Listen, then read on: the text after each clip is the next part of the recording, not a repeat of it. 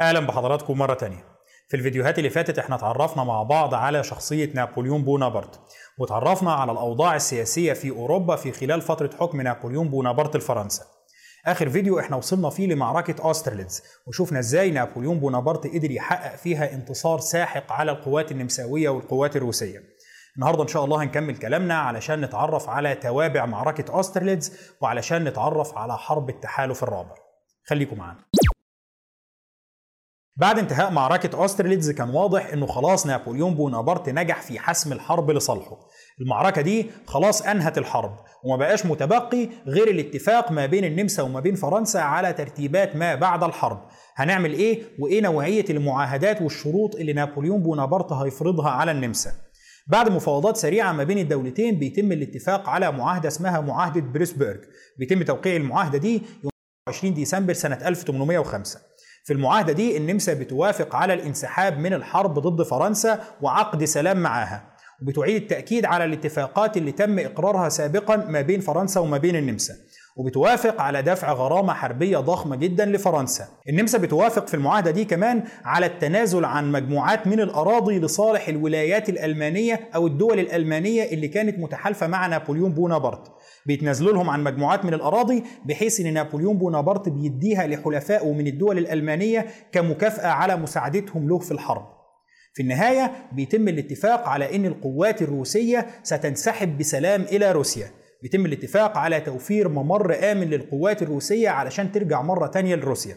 نلاحظ هنا نقطة إن معاهدة بريسبرج كانت ما بين النمسا وفرنسا وبالتالي حالة السلام اللي تم إقرارها كانت ما بين النمسا وما بين فرنسا.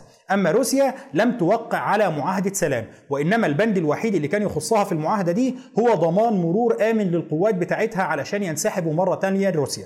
هنا نابليون بونابرت كان شايف إنه مش مشكلة مش لازم أمضي معاهم معاهدة سلام دلوقتي إحنا ممكن نتفاوض بعدين. المهم أنا عايز أخلص من الوجود الروسي في المنطقة دي وإلا ممكن روسيا تغامر بإرسال قوات تانية وحالة الحرب معاهم تستمر.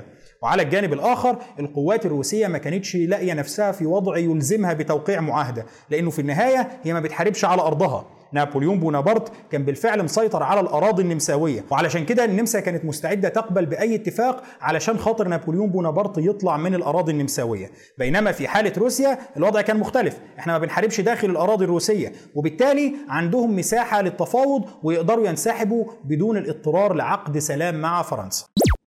ولكن النتيجة الأهم اللي بتترتب على معركة أوسترليتز بتكون هي انهيار الإمبراطورية الرومانية المقدسة. الإمبراطورية الرومانية المقدسة اللي كانت دولة قائمة من أكثر من ألف سنة. بداية الإمبراطورية الرومانية المقدسة نقدر نعتبرها هي تتويج شارلمان كأول إمبراطور للإمبراطورية الرومانية المقدسة سنة 800 ميلادية. إحنا هنا بنتكلم في 1805 وبالتالي الإمبراطورية دي كانت قائمة بقالها أكتر من ألف سنة. وفي خلال أغلب فترات عمرها الإمبراطورية الرومانية المقدسة كانت تعتبر أقوى وأكبر دولة في أوروبا. أكبرهم من حيث المساحة ومن حيث عدد الرعايا التابعين ليها وأكبرهم من حيث السيادة الإسمية والسلطة في أوروبا. بالرغم من كده الإمبراطورية الضخمة دي بتنهار تحت وطأة الضربات المتتابعة اللي بيوجهها لها نابليون بونابرت. اللي حصل إن بعد انتصار نابليون بونابرت على النمسا في معركة أوسترليتز بيقرر إن هو يستغل الانتصار الكبير ده لإعادة تنظيم الوضع في ألمانيا. ألمانيا في الوقت ده ما كانتش دولة موحدة ولكنها كانت دولة ممزقة إلى عشرات الدويلات الصغيرة. كل دولة من الدويلات الصغيرة دي كان ليها نظام إداري مستقل وكان ليها حاكم مستقل ولكنها كانت بتدين بالولاء من الناحية الإسمية على الأقل للإمبراطورية الرومانية المقدسة. يعني من الناحية النظرية كل الدويلات دي أو أغلبها كان تابع للإمبراطورية الرومانية المقدسة. وإن كان من الناحية الفعلية أغلب الدويلات دي كانت بتمارس استقلال فعلي. إنما مش مشكلة دي كلها برضه في الأول وفي الآخر جزء من الإمبراطورية الرومانية المقدسة. بتتمتع بس بنوع من الاستقلال لدرجة كبيرة. نابليون بونابرت بيحاول إن هو يستغل انتصاره ده في إن هو يعيد تنظيم الوضع في ألمانيا. إعادة تنظيم الوضع اللي كان نابليون عايز يعملها هو إن هو يوحد مجموعة من الدويلات الألمانية دي في دولة واحدة. لما يكون دولة واحدة الدولة دي هتكون دولة حليفة له وهتكون دولة قوية. تبقى شوكة في ظهر النمسا وتكون حائط صد في وجه أي توسع روسي في المستقبل. نابليون كان بيخطط لأن هو يأمن ظهر فرنسا من الناحية دي. هنا نابليون بيرعى اتفاق لتوحيد مجموعة من الدويلات الألمانية دي مع بعض وبيتم إعلان التوحيد ده أو بيتم إعلان الاتحاد ما بين الدويلات دي يوم 12 يوليو سنة 1806 الاتحاد ده اللي بيسمى اتحاد الرين. بعد أقل من شهر على إعلان تشكيل اتحاد الرين يوم 6 أغسطس سنة 1806 إمبراطور الإمبراطورية الرومانية المقدسة بيعلن حل الإمبراطورية الرومانية المقدسة. بيقول لك خلاص الإمبراطورية الرومانية المقدسة انتهت وسيتم تفكيكها. ما بقاش في حاجة اسمها الإمبراطورية الرومانية المقدسة. وبيكتفي بلقب إمبراطور النمسا. أنا خلاص ما عدتش إمبراطور الإمبراطورية الرومانية المقدسة أنا بقيت إمبراطور النمسا. علشان النقطة دي أحيانا بيحصل بعض الالتباس بالنسبة للإمبراطور اللي كان بيحكم الإمبراطورية الرومانية المقدسة في الوقت ده.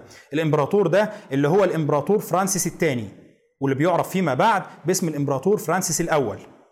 إزاي؟ الفكرة إن هو لما كان بيحكم الإمبراطورية الرومانية المقدسة كان واخد لقب فرانسيس الثاني باعتبار إن هو تاني واحد يحكم الإمبراطورية دي باسم فرانسيس. ولكن بعد حل الإمبراطورية الرومانية المقدسة بقى هو أول واحد بيحكم إمبراطورية النمسا وبالتالي بقى اسمه فرانسيس الأول. فعلشان كده الإمبراطور ده كان الإمبراطور فرانسيس الثاني حاكم الإمبراطورية الرومانية المقدسة وبعدين بعد انهيار الإمبراطورية دي بيتحول للإمبراطور فرانسيس الأول اللي هو إمبراطور النمسا. طبعا انهيار الإمبراطورية الرومانية المقدسة وحلها بيعتبر انتصار ضخم جدا لنابليون بونابرت وهزيمة ضخمة جدا للإمبراطورية الرومانية المقدسة أو للنمسا اللي هي كانت العدو التقليدي لنابليون بونابرت داخل القارة الأوروبية. ولكن السؤال هنا ليه حصل الانهيار ده؟ يعني طيب نابليون بونابرت اتدخل في الأراضي الألمانية اللي هي تعتبر أراضي تابعة للإمبراطورية الرومانية المقدسة. ولكن ليه تدخله ده أدى لانهيار الإمبراطورية الرومانية المقدسة بعد أقل من شهر على إعلان تشكيل اتحاد الرين. الفكرة هنا إن الإمبراطورية الرومانية المقدسة على الأقل من الناحية النظرية كان بيتم انتخاب الإمبراطور بتاعها. أي نعم كان بقالها مئات السنين خاضعة لسلالة واحدة اللي هي سلالة الهابسبرج ولكن في النهاية من الناحية النظرية كان يتم انتخاب إمبراطور الإمبراطورية الرومانية المقدسة. اللي حصل هنا إن توسع نابليون بونابرت وسيطرته على الدويلات الألمانية وسيطرته على أجزاء كبيرة جدا من أوروبا كانت ممكن تسمح له بان هو يفكر في إنه ينتزع لقب إمبراطور الإمبراطورية الرومانية المقدسة ده لنفسه. إيه اللي يمنع؟ إن نابليون بونابرت يضغط على النمسا أكتر وأكتر ويقول لهم خلاص أنتوا الإمبراطور بتاعكم ده يكتفي بحكم النمسا بينما لقب وتاج الإمبراطورية الرومانية المقدسة يذهب لنابليون بونابرت. يضغط على الناخبين أو الأمراء اللي المفترض إن هم بيصوتوا على انتخاب إمبراطور الإمبراطورية الرومانية المقدسة وبالتالي ينتزع لقب إمبراطور الإمبراطورية الرومانية المقدسة لنفسه. وهنا فرنسا كانت هتتمتع من الناحية النظرية على الأقل بسيادة على أغلب أجزاء أوروبا. إحنا خلاص سنرث كل ممتلكات الإمبراطورية الرومانية المقدسة. مع فارق مهم هو إنه النمسا كانت بتتمتع بسيادة اسمية لكنها ما كانتش مستعدة للدخول في حروب علشان تمارس السيادة دي بشكل فعلي. أما نابليون بونابرت وضعه كان مختلف. اديني بس السيادة الاسمية دي وأنا هغزو أوروبا كلها. وعلشان كده امبراطور الامبراطورية الرومانية المقدسة بيفضل إن هو ينهي الامبراطورية ويفككها ولا إن لقب امبراطور الامبراطورية الرومانية المقدسة ده ينتقل لنابليون بونابرت ويبقى من ألقاب حاكم فرنسا بعد كده.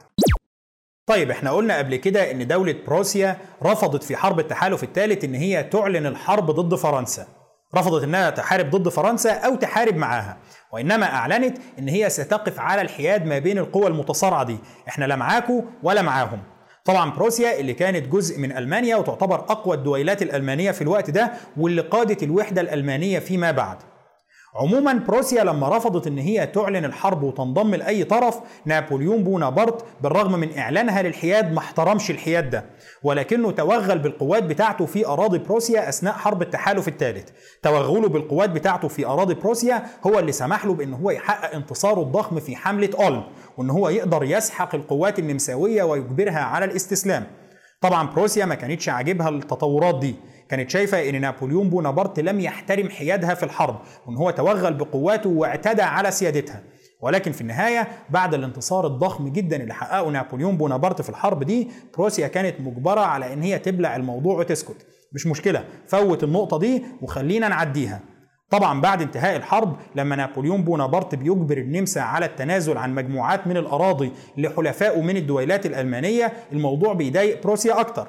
الراجل مش بس اكتفى بان هو يخترق اراضينا وإحنا في حالة حياد لا الاهم من ده انه ادى مكاسب لباقي الدويلات الألمانية وبالتالي هيسمح للدويلات دي إن هي تبقى دويلات قوية في مواجهة بروسيا اللي هي كانت أقوى دولة ألمانية في الوقت ده. هنا طبعا نابليون بونابرت بيلاحظ حالة عدم الرضا عند بروسيا بيشوف إنه فعلا بروسيا بدأت تتضايق من التطورات اللي بتحصل حواليها دي.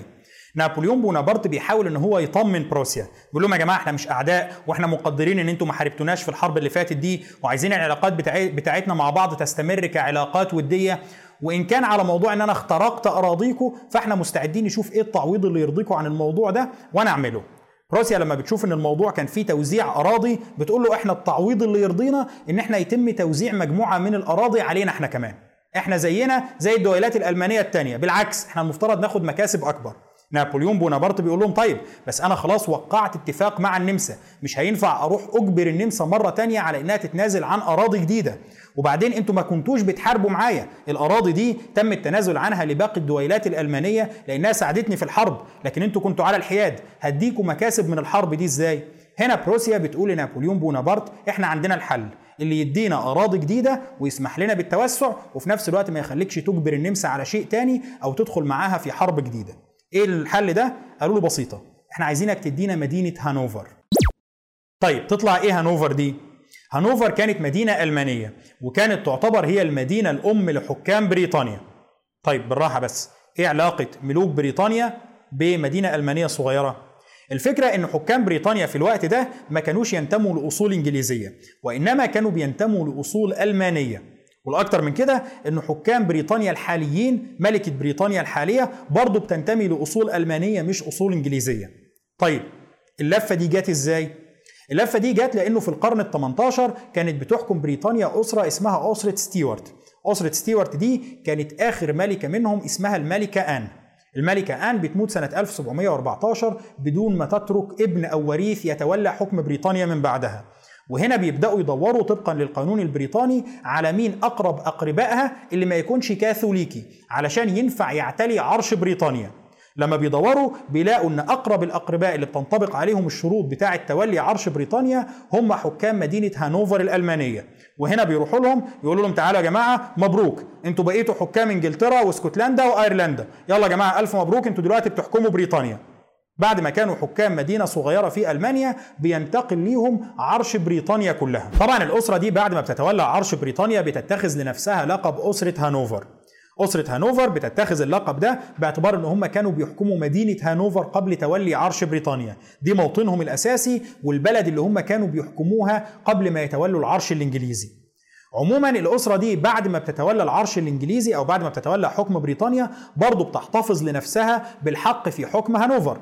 دي المدينة اللي إحنا أساسا جايين منها دي موطننا. وبالتالي مش هنتخلى عن حقنا في حكمها.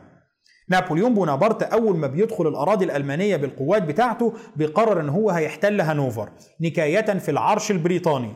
مش دي الموطن الأساسي لملوك بريطانيا؟ طيب القوات الفرنسية بقى هتحتلها. ما دام إحنا مش عارفين نحتل بريطانيا نفسها هنحتل ممتلكات ملك بريطانيا في ألمانيا. طبعا لما نابليون بونابرت بيسيطر على هانوفر وبروسيا بتبدأ تشوف إن في أراضي بتتوزع على باقي الدويلات الألمانية بتروح لنابليون بونابرت وتقول له خلاص مش أنت دلوقتي في حالة حرب مع بريطانيا؟ إحنا دلوقتي في حالة سلام معاك وما حاربناكش. ادينا بقى هانوفر مكافأة لينا على إن إحنا ما دخلناش حرب ليك.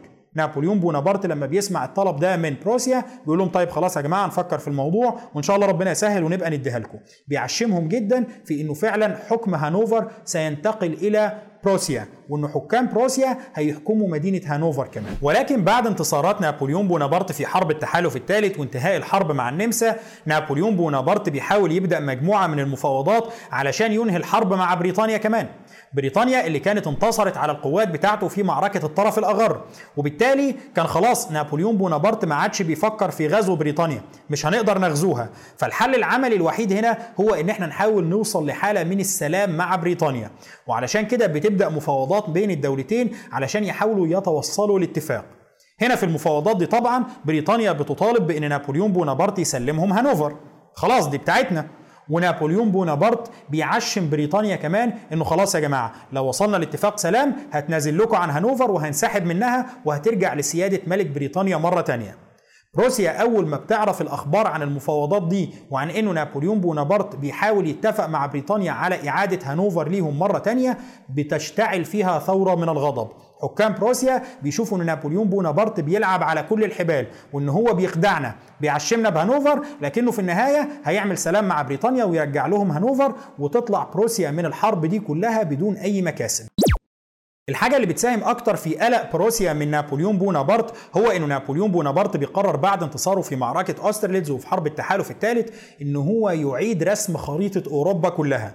يعني الموضوع ما كانش مقتصر زي ما شفنا من شوية على تكوين اتحاد ما بين مجموعة من الدويلات الألمانية وتكوين اتحاد الرين اللي بروسيا كانت شايفاه تهديد مباشر لنفوذها داخل ألمانيا وكانت شايفاه محاولة لتحديها وخلق دولة أقوى منها في ألمانيا. ولكن قبل تكوين الاتحاد ده بشهر نابليون بياخد خطوة تانية في أوروبا بيكون لها تأثير عميق على الساحة الأوروبية. الخطوة دي هي إنه نابليون بونابرت بيروح لهولندا. هولندا في الوقت ده كان فيها جمهورية اسمها الجمهورية الباتافية. بيروح لهم ويقول لهم أنا مش عاجبني الوضع هنا. إيه الجمهورية الباتافية دي؟ أنتوا مين؟ قالوا له والله إحنا الجمهورية شقيقة للجمهورية الفرنسية. يعني من الآخر اللي أنشأوا الجمهورية الباتافية دي كانوا هم الجمهورية الفرنسية وتعتبر بشكل أو بآخر دولة خاضعة للنفوذ الفرنسي. هنا نابليون بونابرت بيقول لهم أيوه بس الجمهورية الفرنسية دي نفسها انتهت. دلوقتي فرنسا بقت إمبراطورية وبالتالي الأنظمة الحليفة لينا ما ينفعش إن هي تبقى جمهوريات. أنتوا نظام حليف لينا عايزينكم تتحولوا من جمهورية إلى مملكة. قالوا له والله انت راجل منتصر في الحرب يعني انت انتصرت على أوروبا كلها فاللي انت هتقول عليه دلوقتي هيتنفذ. عايز إيه؟ قال لهم إحنا هنحولكم المملكه طيب المملكة دي هيبقى اسمها إيه؟ قال لهم إحنا هنسميكم مملكة هولندا. الموضوع بسيط. طيب خلاص مملكة هولندا. مين بقى هيبقى الملك في مملكة هولندا؟ نابليون بونابرت. بيقول لهم الحل بسيط جدا. بيروح منادي على أخوه لويس بونابرت. بيقول له تعالى يا لويس يا حبيبي أنت من النهارده بقيت ملك هولندا. مبروك. أنت بقيت ملك. اللي هو يعني الواحد يجيب لأخوه مثلا ساعة يجيب له موبايل لكن نابليون بونابرت كان بيجيب لأخوه مملكة. وزي ما هنشوف كمان شوية ده ما كانش آخر واحد من إخوات نابليون بونابرت اللي بيمنحه مملكة كاملة علشان يحكمها. بالإضافة لكل التغييرات دي اللي كانت بروسيا بتعتبرها تحديات أو تهديدات كانت القوات الفرنسية لا تزال موجودة داخل الأراضي الألمانية. أي نعم ما هيش موجودة داخل بروسيا ولكنها موجودة على حدود بروسيا. وبالتالي وجود القوات الفرنسية بالقرب من القوات البروسية كان بيعمل احتكاكات ما بينهم. التغييرات اللي إحنا اتكلمنا عنها في أوروبا حصلت في شهور متتابعة. يعني في البداية تم إنشاء مملكة هولندا. الكلام ده كان في شهر يونيو سنة 1806 الشهر اللي بعدها اللي هو شهر يوليو سنة 1806 بيتم إعلان تشكيل اتحاد الرين. الشهر اللي بعدها اللي هو شهر أغسطس بيتم انهيار الإمبراطورية الرومانية المقدسة. بعد الحدث ده بأقل من شهرين يوم 1 أكتوبر سنة 1806 روسيا بتقرر توجيه إنذار لنابليون بونابرت. بتطلب فيه أن القوات الفرنسية تنسحب من الأراضي الألمانية وإلا سيتم إعلان الحرب ضد فرنسا.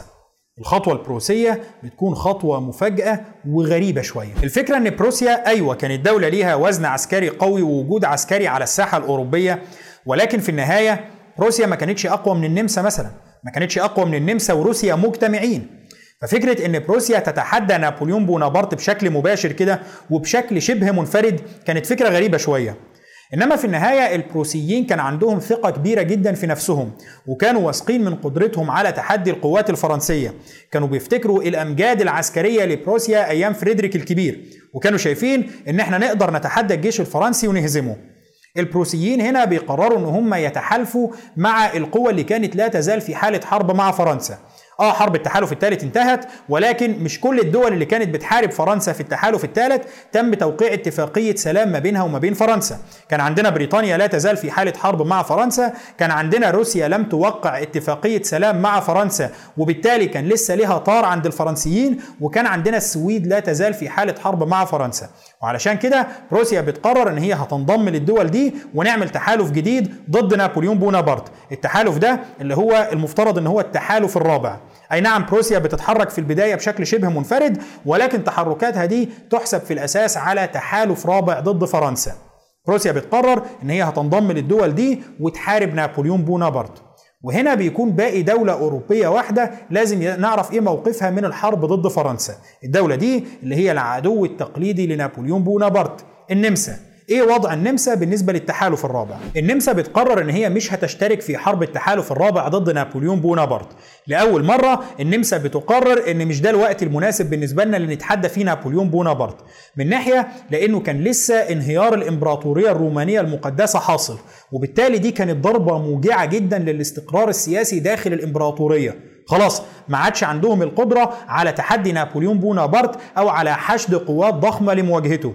ومن ناحية تانية لأن قوات نابليون بونابرت كانت لا تزال موجودة في ألمانيا. وبالتالي نابليون بونابرت كان عنده القدرة على أن هو يحرك القوات دي بمنتهى السرعة في اتجاه الحدود النمساوية ويخترق النمسا مرة تانية.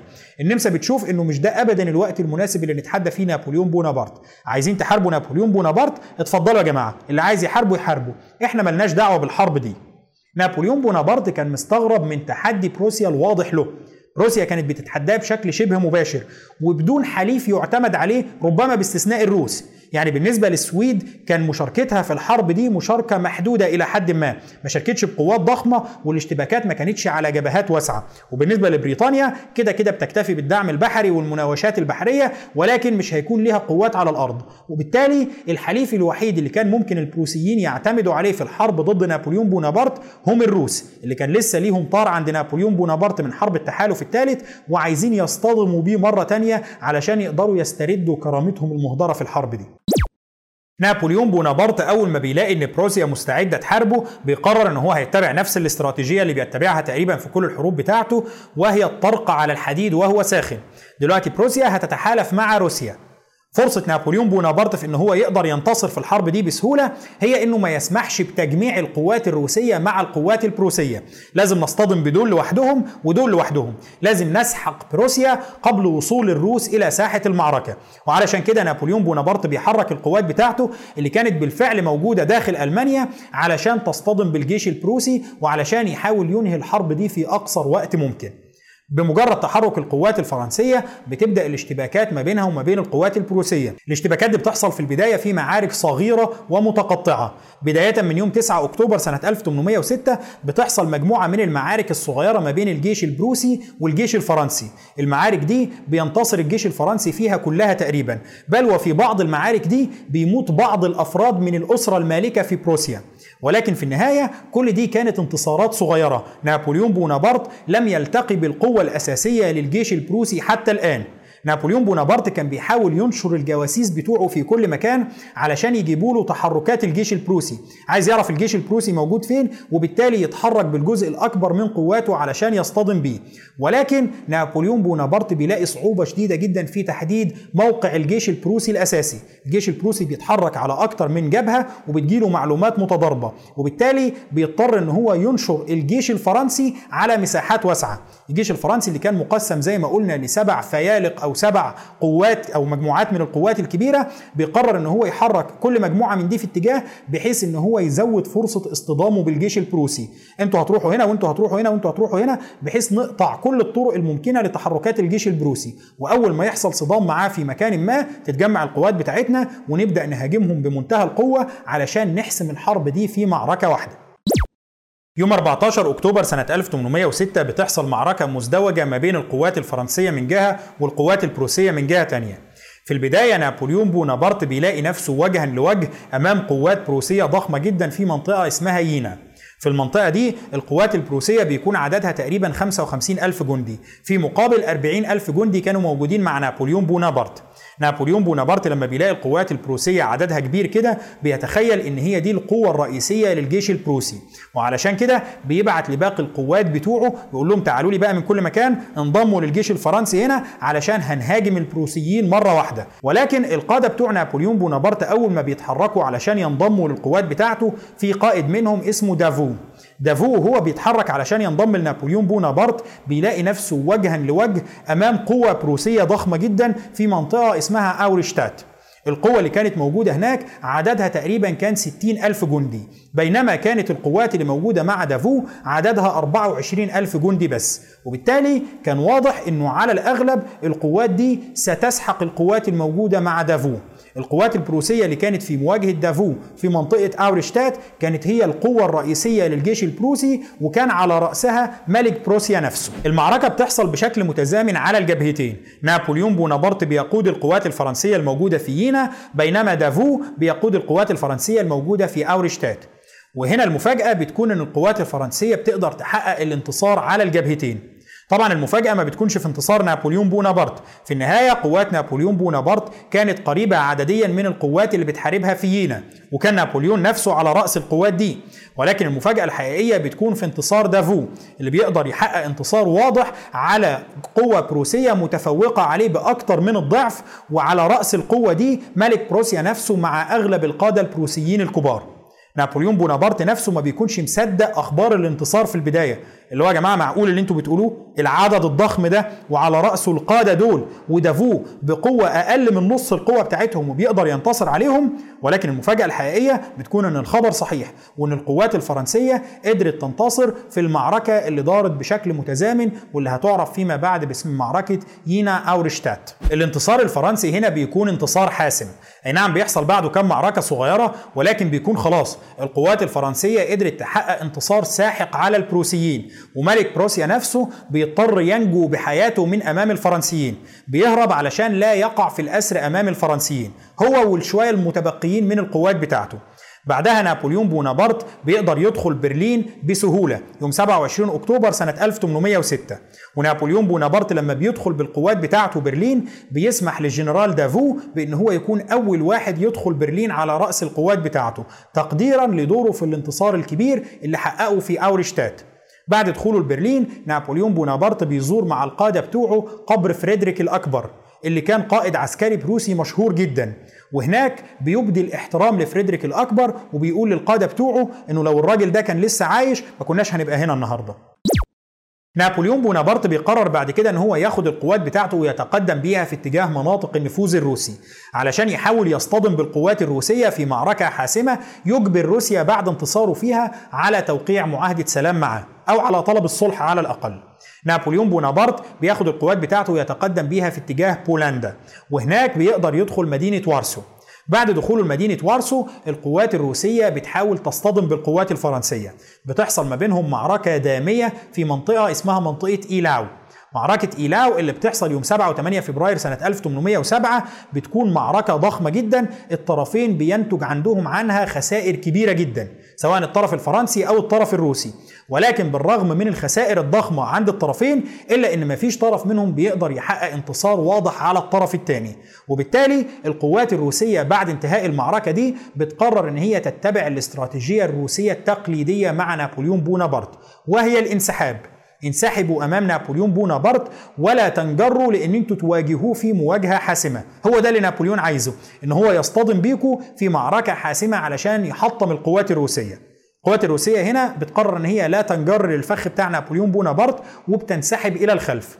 وهنا نابليون بونابرت هو كمان بيكون اذكى من إن هو يطاردهم. نابليون بيكون عارف إنه الهدف الأساسي لانسحاب الروس هو إن هم يسحبوه داخل عمق الأراضي الروسية وبالتالي ينقطع عن خطوط إمداده. وهنا يكون سهل عليهم إن هم يطوقوا القوات الفرنسية ويسحقوها.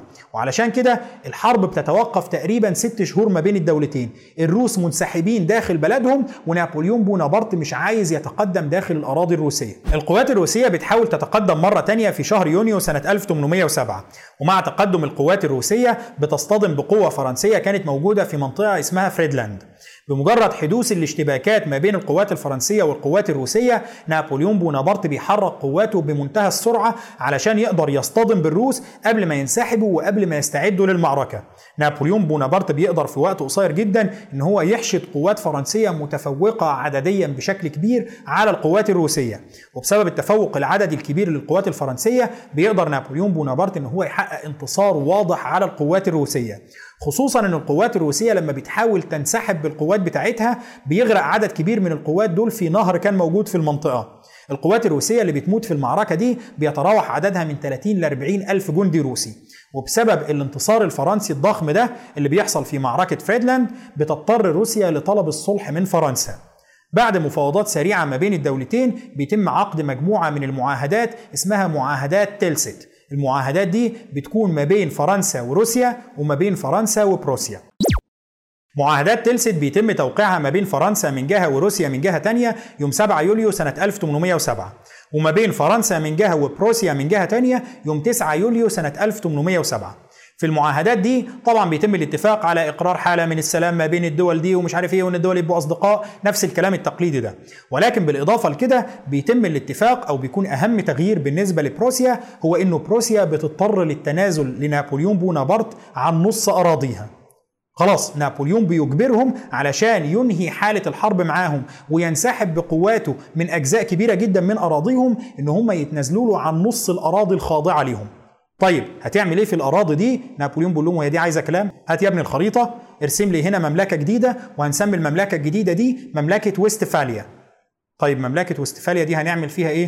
قال لهم الموضوع بسيط. تعالى يا جيروم يا حبيبي بينادي على أخوه الصغير جيروم أصغر واحد في إخواته آخر العنقود. تعالى يا جيروم يا حبيبي أنت من النهارده خلاص بقى عندك مملكة. ألف مبروك يا حبيبي. أنت بقيت الملك جيروم ملك وستفاليا أهم بند في معاهدات تلست كان بند بينص على إنه بروسيا وروسيا سيتحالفوا مع فرنسا لتنفيذ سياسة اسمها سياسة الحصار القاري. السياسة دي اللي نابليون بونابرت كان بيهدف بيها للقضاء على بريطانيا بعد ما فشلت خططه لغزو بريطانيا. إيه هي سياسة الحصار القاري؟ ده اللي هنتكلم عنه الفيديو اللي جاي إن شاء الله. شكرا لحضراتكم وإن شاء الله نكمل كلامنا الأسبوع اللي جاي.